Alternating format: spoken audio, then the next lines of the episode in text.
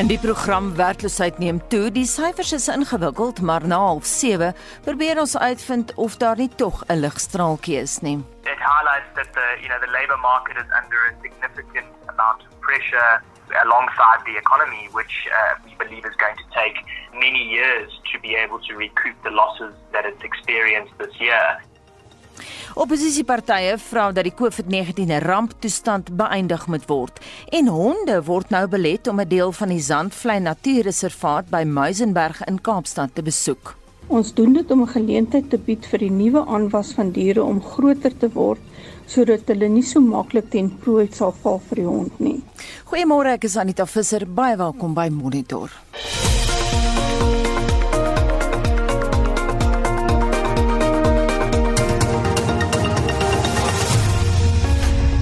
Marlenae sit gereed met 'n kort nuus oor sy goeiemôre.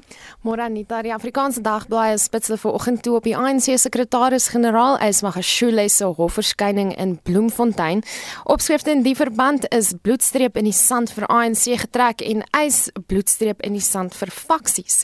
Op die Volksblad se e-voorblad, boere gaan weer betoog en nog 'n hoofstorie op beeldse voorbeeld voorblad handel oor rybewyse. Agterstand of nie boete gaan jy kry, dis die minister minister van vervoer Fikile Mbalula se boodskap aan Gauteng se motoriste. Dit nadat verskeie motoriste sukkel om aanlyn besprekings te maak om hulle rybewyse te hernie. Daar's groot plan om die agterstand in te haal. Data shows signs of lasting job damage staan daar op Business Day se voorblad en dit verwys na die bekendmaking van die derde kwartaal se arbeidssyfers. Werkloosheid het met 30,8% gestyg in die kwartaal en die Mail and Guardian spits hom toe op die DA met die opskrif DA hit by by Kickback Row. Dit volg op beweringe dat die party beweringe van korrupsie ignoreer. En dan op die BBC se webtuiste die volgende internasionale hooftrekke.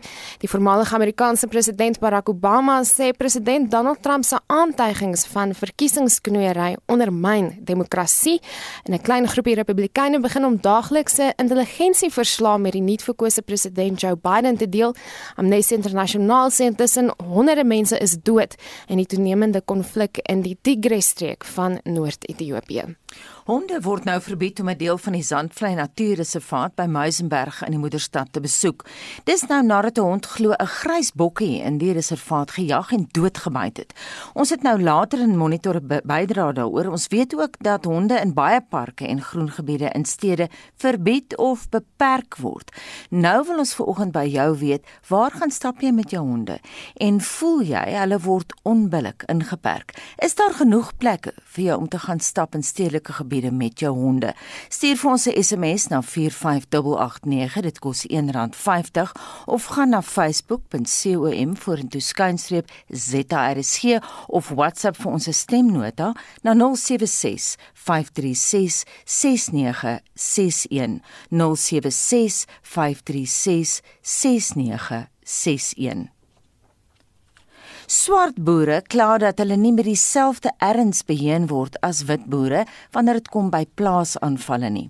Dit het aan die lig gekom tydens die minister van polisie Bekkie Cele se vergadering met kommersiële boere in Bethlehem in die Oos-Vrystaat. Cele het die boere besoek as 'n opvolg na sy aanvanklike interaksie met boere oor die moord op die plaasbestuurder Brendan Horner. Boere in die Vrystaat is bekommerd oor die toename in plaasaanvalle. Hulle het aan Cele gesê dat sewe boere sedert Oktober vermoor is. Pitso Sekoto van die Farmers Association of South Africa sê die polisie moet alle boeregemeenskappe gelyk behandel.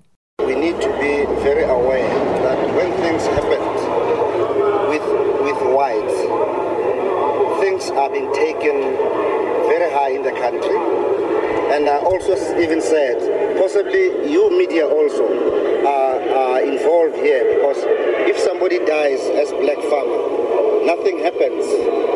And I'm just saying, I'm not criticizing that, yes, for anybody to die anytime, it's not right. But I'm saying it has been at least detailed here that we need to be treated as farmers. Die voorsitter vir landelike veiligheid by die landbouvereniging in Bethlehem, Hertjie Viljoen, sê daar behoort eensgesindheid onder wit en swart boere te wees. Um, I'm sure of that. The crime is not only one section of the community, it's all over. So if we don't uh, share our strengths and, and come together to make a difference in our community. We're going to get nowhere. So we mustn't bring politics into this. Die polisie is ook daarvan beskuldig dat hulle deel van die vee diefstal syndikaate is. Hulle sê daar sal 'n dringende skoonmaakproses binne die polisie wees om die publiek se vertroue in die instelling te herstel. Hy sê vee diefstal moet as 'n ekonomiese misdaad geklassifiseer word. We'll have to agree with agriculture and farmers that the, at a certain given point there'll have to be some form of auditing of head of cattle.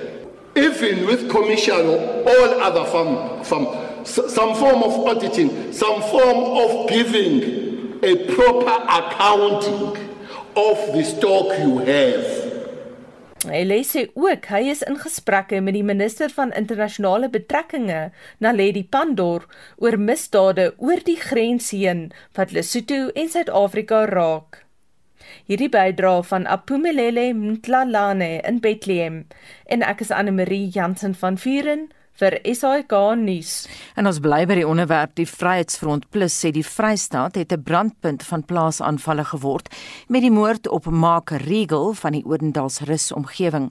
En ons praat nou met die provinsiale leier van die Vryheidsfront Plus in die Vrystaat Jan van die Kerk. Môre Jan.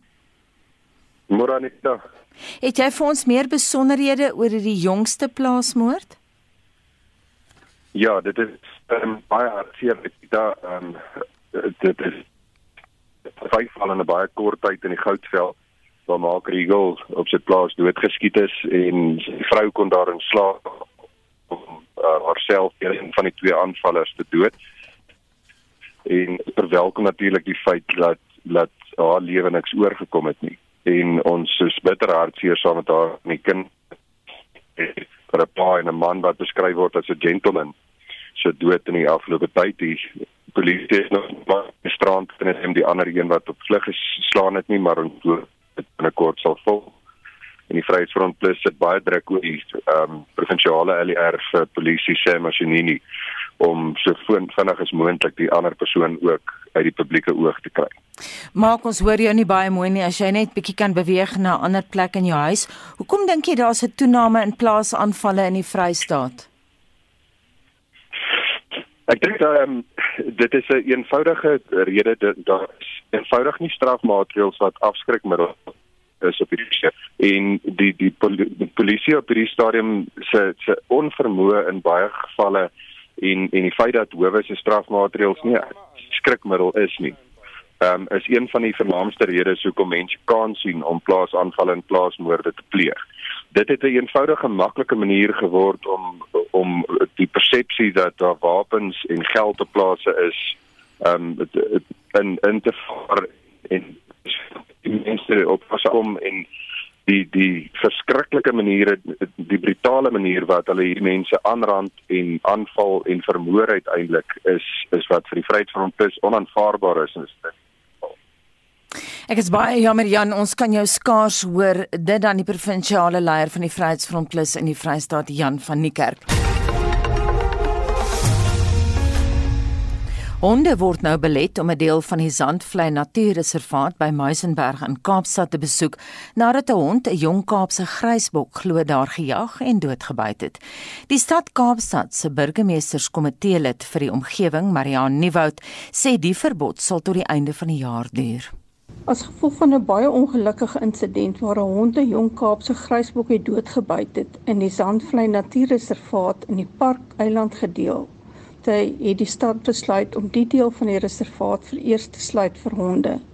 Ons doen dit om 'n geleentheid te bied vir die nuwe aanwas van diere om groter te word sodat hulle nie so maklik ten prooi sal val vir die hond nie. Marian, hoekom is dit belangrik om dit te doen?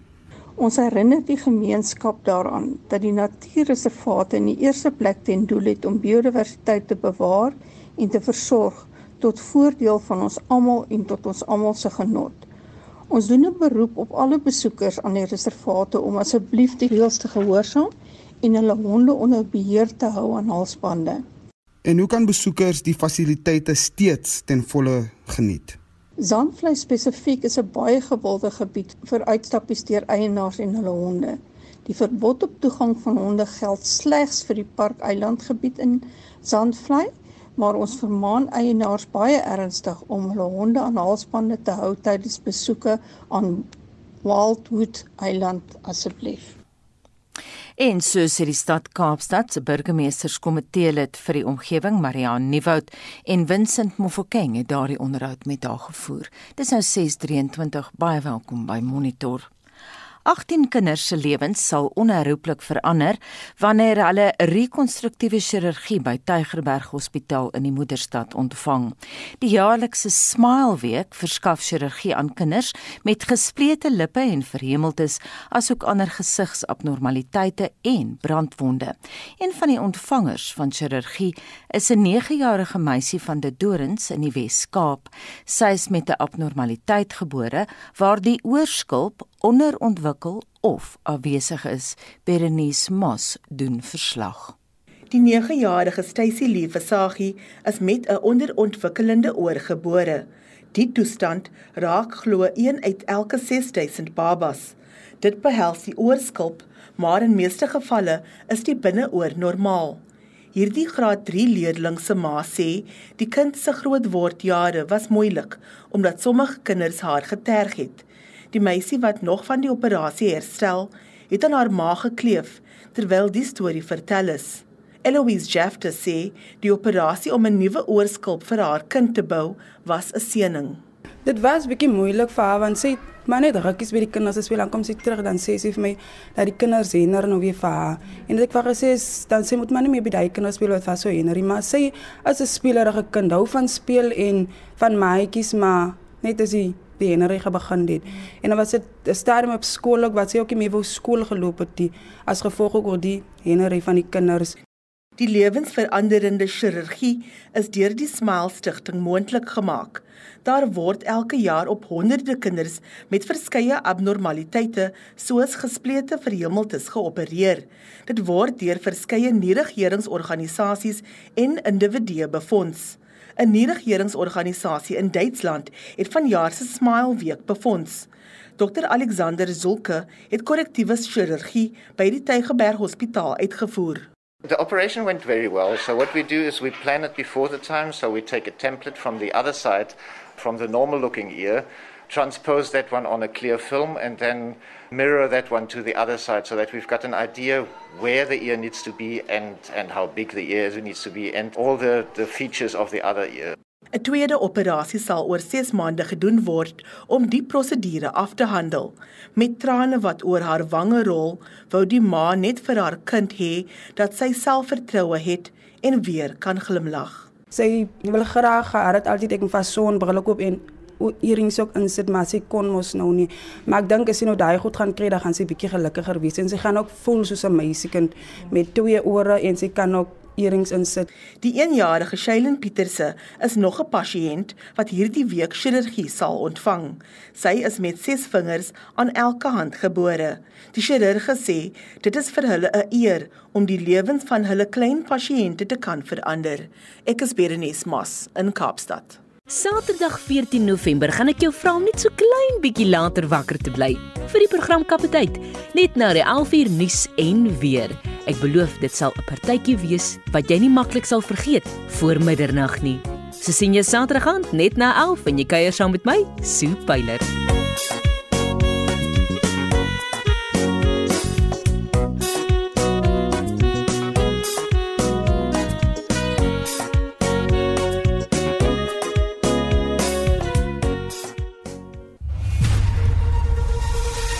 Luister na Monitor elke weekoggend tussen 6 en 8. Die hoofnuus gebeure op Monitor, die voormalige tesourier van die ANC in die Vrystaat, Nkolisi Dukwana, het die sekretaris-generaal van die ANC, Ys Magashule se verskyning in die Bloemfontein se Landdroshof vandag verwelkom. Die kommunikasiewerkers vakbond CWU sê hy is in gesprek met sy regspan oor die weg vorentoe na die jongste inligting oor die SAIK se beoogde afleggings en werkloosheid neem toe. Bly by ons. En Marlenae het gereed met terugvoer.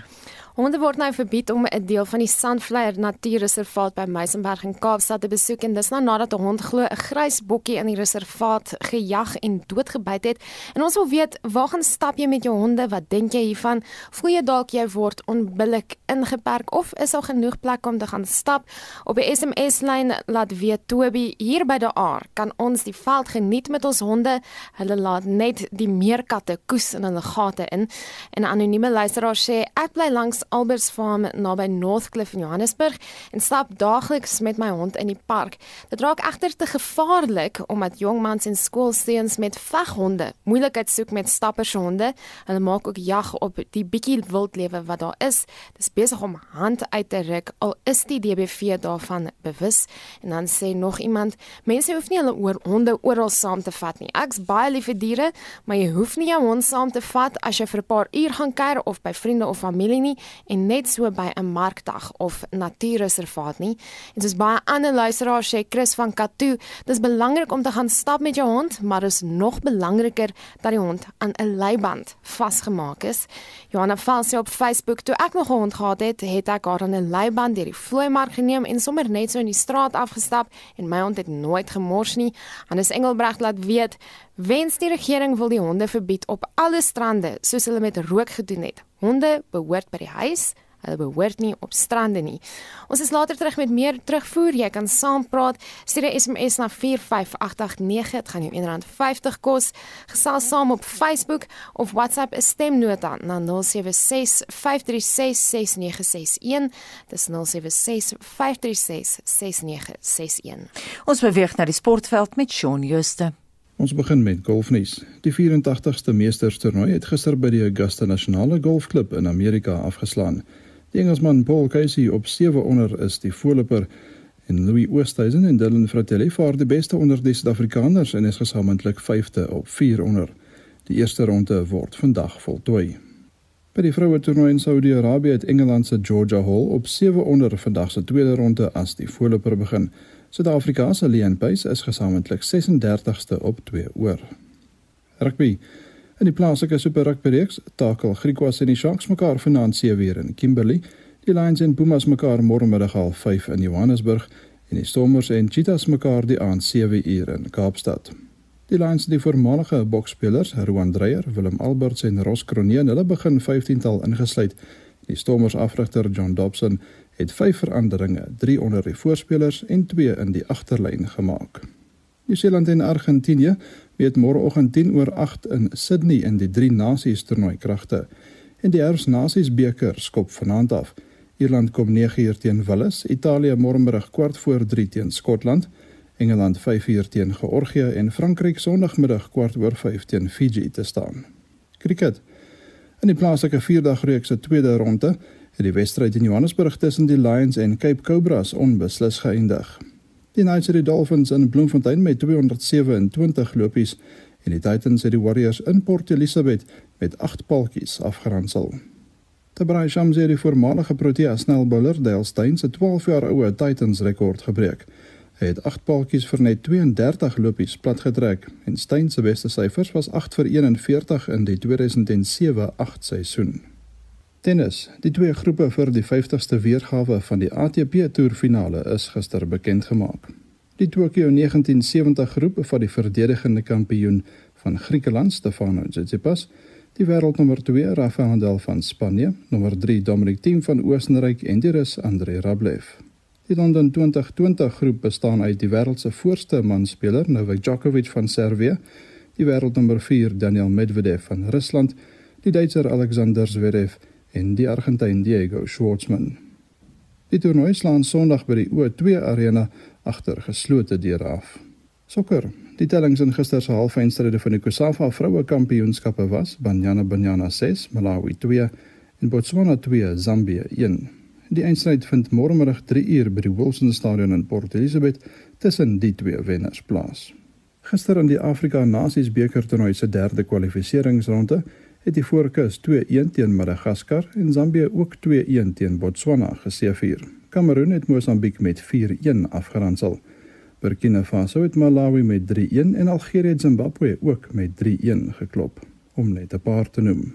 Onthougeris Bafana Bafana en Sao Tome en Principe sê mekaar vanaand 9uur by Soccer City of dan die ENB stadion in Johannesburg die stryd aan. En laastens herinner ons graag dat die Formule 1 seisoen hierdie naweek in Turkye voortgesit word en die MotoGP renjaars is weer in Valencia in Spanje vir 'n tweede agtereenvolgende wedren. Shaun Schuster SAK Sport. Volgens Statistiek Suid-Afrika het meer as 2 miljoen Suid-Afrikaanse werksgeleenthede in die tweede kwartaal verlore gegaan. Hulle syfers van die laaste 3 maande toon ook dat werkloosheid in ons land nou tot 30% gestyg het. Die kwartaal eh, kwartaallikse arbeidsmagopname het bevind dat dit meestal mans was wat gedurende die inperking kon aanhou werk. Vir meer hieroor praat ons nou met Lizet Eysel de Skepper, 'n senior ekonoom by die Buro vir Ekonomiese Onderzoek. Goeiemôre Lizet. Goeiemôre Anita en luisteraars. Vertel ons 'n bietjie meer oor die syfers die derde kwartaal se arbeidsmarksyfers het verskil van die vorige kwartaal se. Hoe so?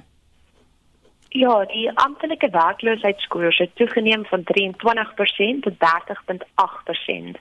En dit is die hoogste persentasie op rekord. En as ons die mense insluit wat opgegee het om te soek vir werk of vir 'n ander rede nie vir werk gesoek het nie, maar tegnies in staat en bereid was om te werk, skiet die werkloosheidskoers op na 43%. Maar ons weet die tweede kwartaal syfer was beïnvloed deur 'n tegniese kwessie, want baie mense wat dalk wou werk kon nie werk of self soek vir werk nie deur die inperking. Mm. So dit het 'n effense tegniese issue uh, veroorsaak. So dit is dalk beter om te kyk na hoe dit lyk in vergelyking met die vorige jaar. En dan is in diensneming steeds af met 1.7 miljoen. Dit is meer as 10%. En in die informele sektor byvoorbeeld is in diensneming 18% laer as wat dit was in die derde kwartaal verlede jaar. So dit beteken dat omtrent 1 uit 5 informele werkers hulle werk en dus ook hulle bron van inkomste verloor het. Mhm. Mm is alste buite aan COVID? Dit is moeilik om 'n presiese syfer op te sit, maar ons weet daar was nog sekere inperkings in plek in die derde kwartaal, veral aan die begin van die tydperk, wat sekere mense verhoed het om te werk, byvoorbeeld in die toerismebedryf, waar selfs nou toestande nog ver van normaal is. Ons gaan eens oor tyd kan sien van hoeveel van hierdie mense wat actually werk het om wat terug te keer wanneer al die inperkings verwyder is. Mhm. Mm Hoekom het mans ander werk en vroue nie? Ek dink dit is 'n tegniese ding. Ek dink dit is dit is dit het nog nie 'n groot groot opvallende verskil nie. Wat ons wel gesien het is dat uh, sekere bedrywe is nou sekere sektore ehm um, is meer gemaak daarvoor om by die huis te werk. Ehm um, as ons byvoorbeeld ek kyk na mense wat hulle self klassifiseer as professionele werkers of bestuurders, het 1 uit 3 van die mense kom by die huis werk maar as jy byvoorbeeld in die mynboubedryf of in die konstruksiebedryf werk, dan is dit nie moontlik om daai tipe werk van die huis uit te mm. doen nie. Baie tuiswerkers kom van Gauteng in die Wes-Kaap. Beteken dit dat mense uit ander provinsies meer geneig sou wees om hulle werk te verloor? Ek dink dit het weer eens te doen met die tipe werk wat jy kan doen van die huis af. Ons weet in die finansiële bedryf en die besigheidssektor is dit makliker om van die huis uit te werk en baie is maar gekonsentreer in die Weskaap en in Gauteng. Ook in die Weskaap en Gauteng het die hoeveelheid huiswerkers bietjie afgeneem in vergelyking met die tweede kwartaal. As ons kyk landwyd het omtrent uh, slegs 11% van mense wat voorstel was om te werk by die huis gewerk. Al die ander mense was terug by hulle normale plek van indiensneming. Wat dink jy kan ons verwag vorentoe? Ek dit is moeilik om te te sê of die uh, opname was een van die eerste vrystellings wat ons bietjie 'n idee begin gee oor die permanente skade aan die ekonomie. Uh, as ons kyk na die diensnemingsvlakke, het dit verlede jaar die tyd het daar omtrent 16.4 miljoen mense in Suid-Afrika gewerk en in die derde kwartaal van hierdie jaar was dit net 14.7 mense wat gewerk het dit is 'n groot gaping wat oor die komende kwartale ehm um, moet, moet moet teruggevang word.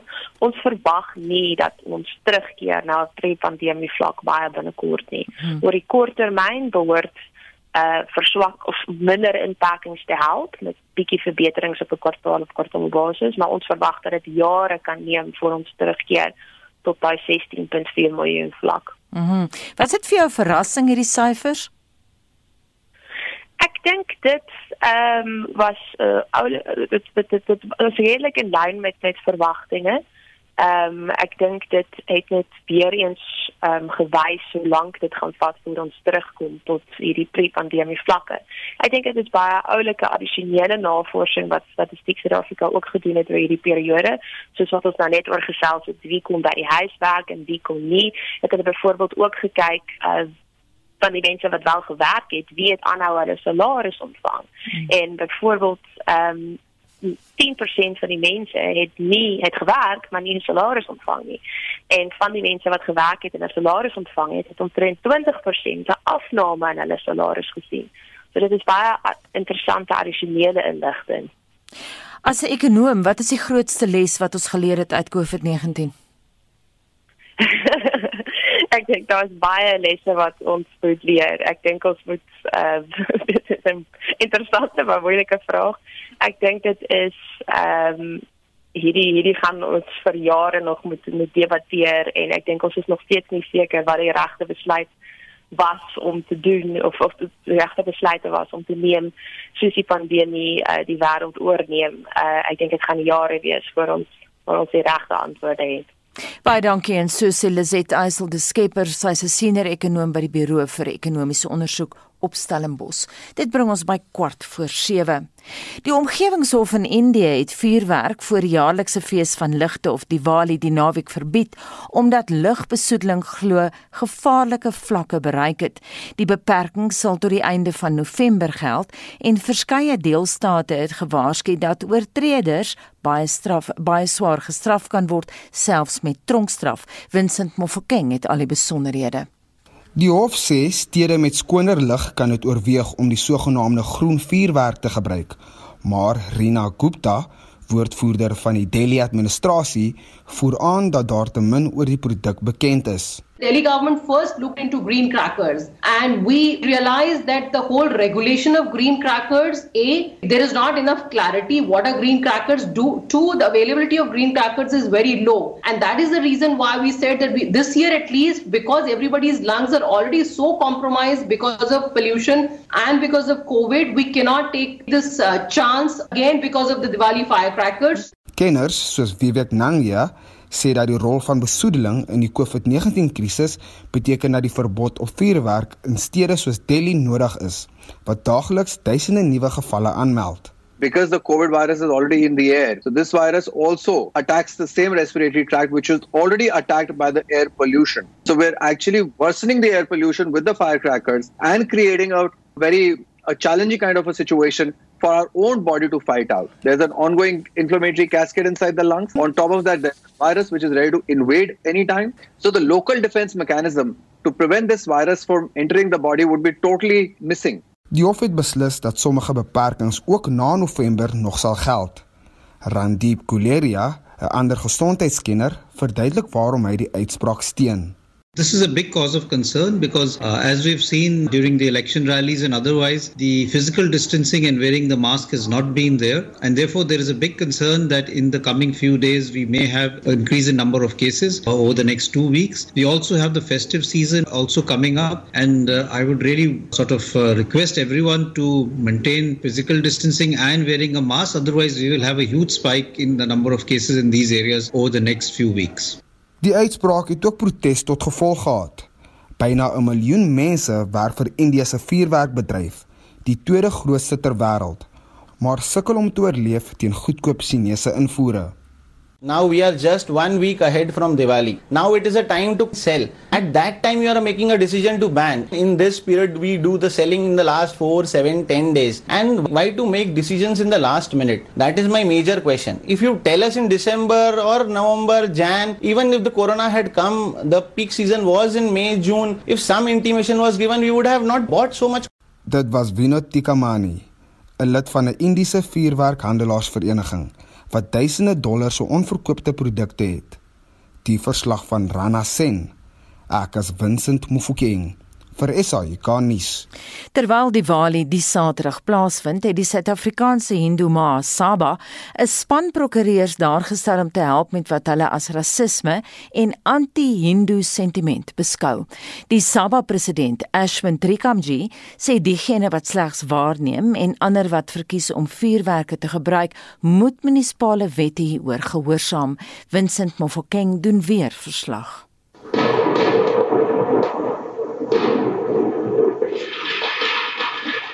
Diwali is die 5-daagse fees van ligte wat deur miljoene Hindus, Sikhs en Jains regoor die wêreld gevier word.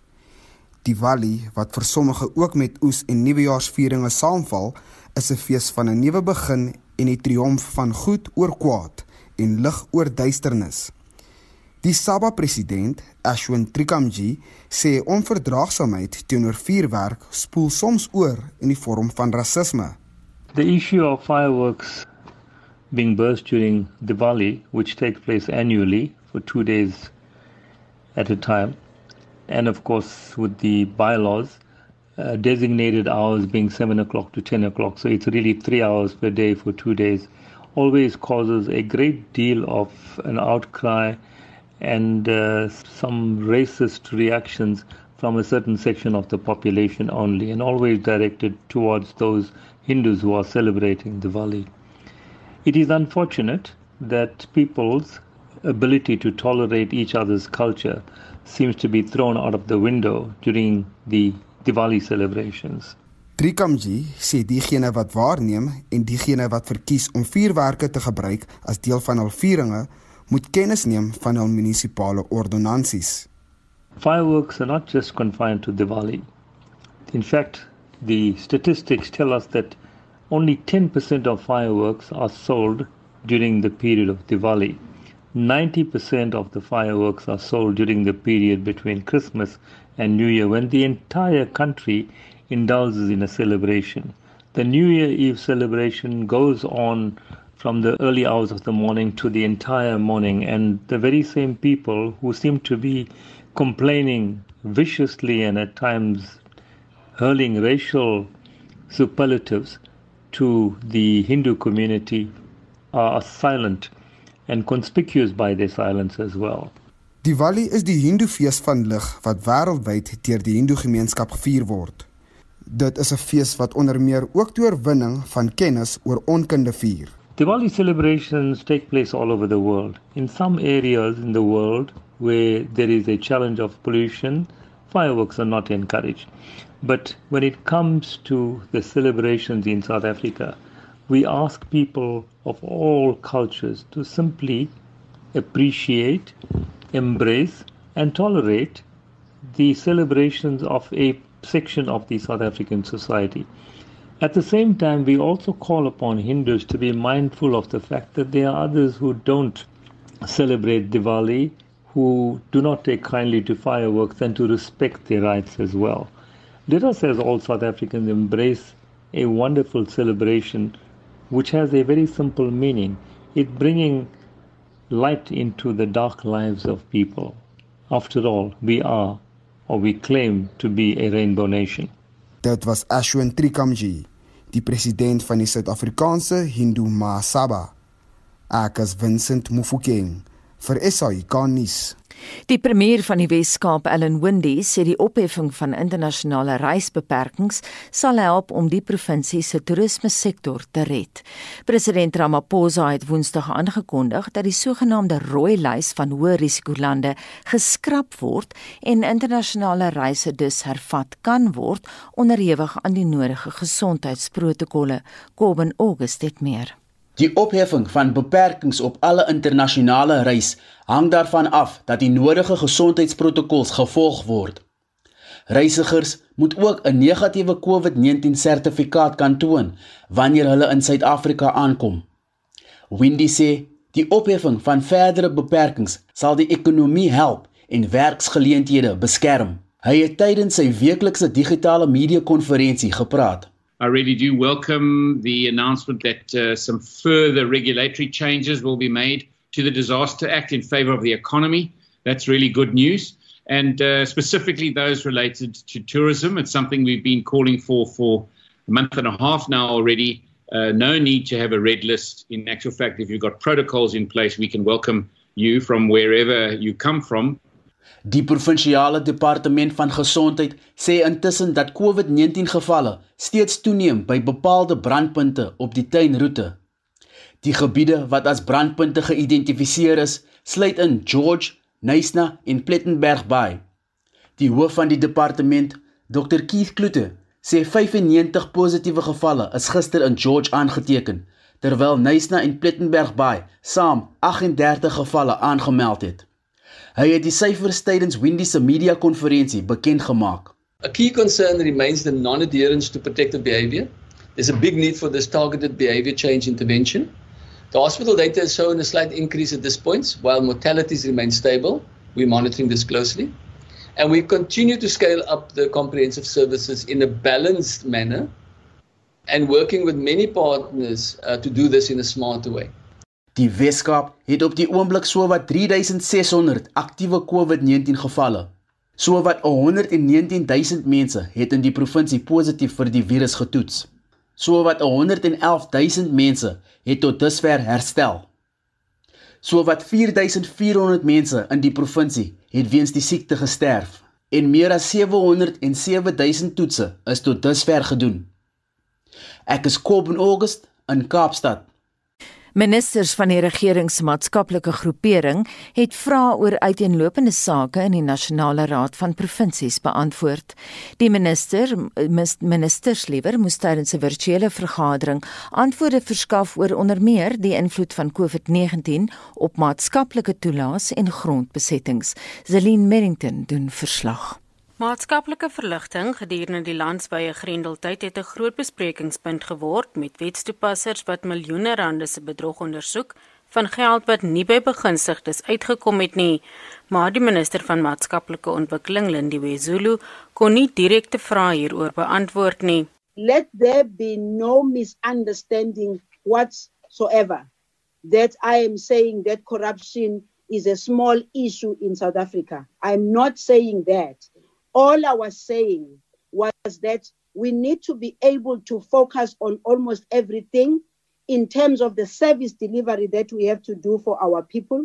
We need to be able to deal with corruption where we have to deal with corruption and not overgeneralize and end up even talking about corruption in places where there hasn't been any corruption. That's what I mean. And secondly, I've said it myself. There are institutions in South Africa whose sole mandate and sole responsibility is to deal with corruption where it's found. Zulu het erken dat haar departement se stelsels getoets was tydens die Grendeltyd.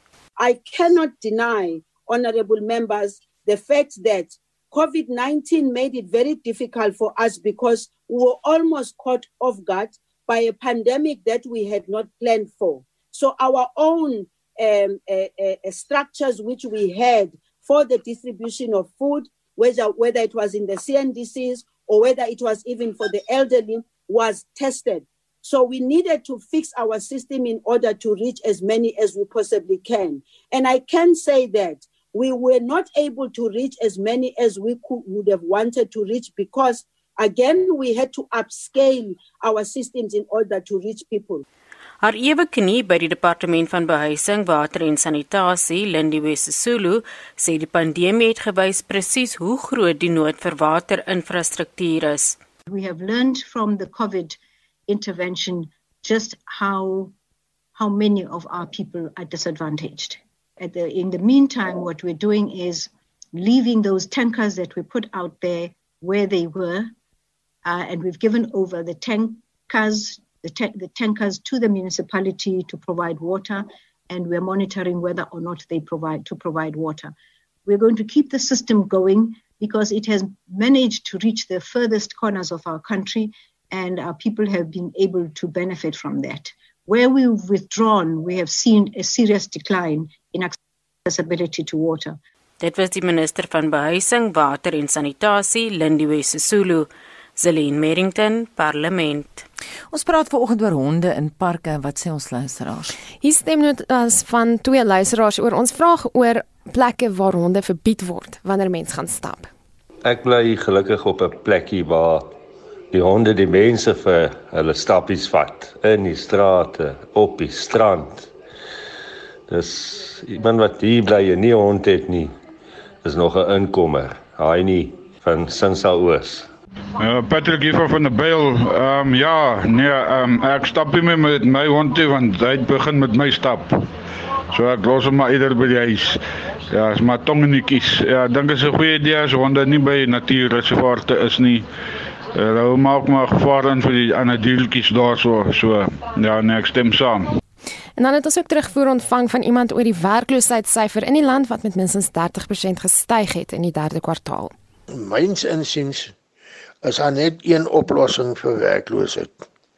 En dit is om 'n land se produktiwiteit op alle vlakke te verhoog. Produktiwiteit is ook nie die verhoging van produksie nie. Dit is heeltemal iets anderste. 'n Mens kan nie anderste as om werkloosheid aan te spreek deur die verhoging van jou produktiwiteit in 'n enige omgewing nie. Ons het ook 'n SMS ontvang van Andre wat wou weet wie Take on Me gesing het wat ons vroeër gespeel het in die program. Dit is Slownie, spel hom S L O A N I. Jy kan saamgesels op facebook.com vorentoe skynstrip ZRSG. Jy kan 'n SMS stuur na 45889. Dit gaan jou R1.50 kos of stuur 'n stemnota na 076 536 6961. Ek moet sê dis mooi om te hoor mense praat goeie Afrikaans. Die man wat nou sê myns insiens. Ek het dit so lank lank gehoor. Goeie Afrikaans daai. Dit bring ons by 7uur. SAK nuus. Onafhanklik, onpartydig.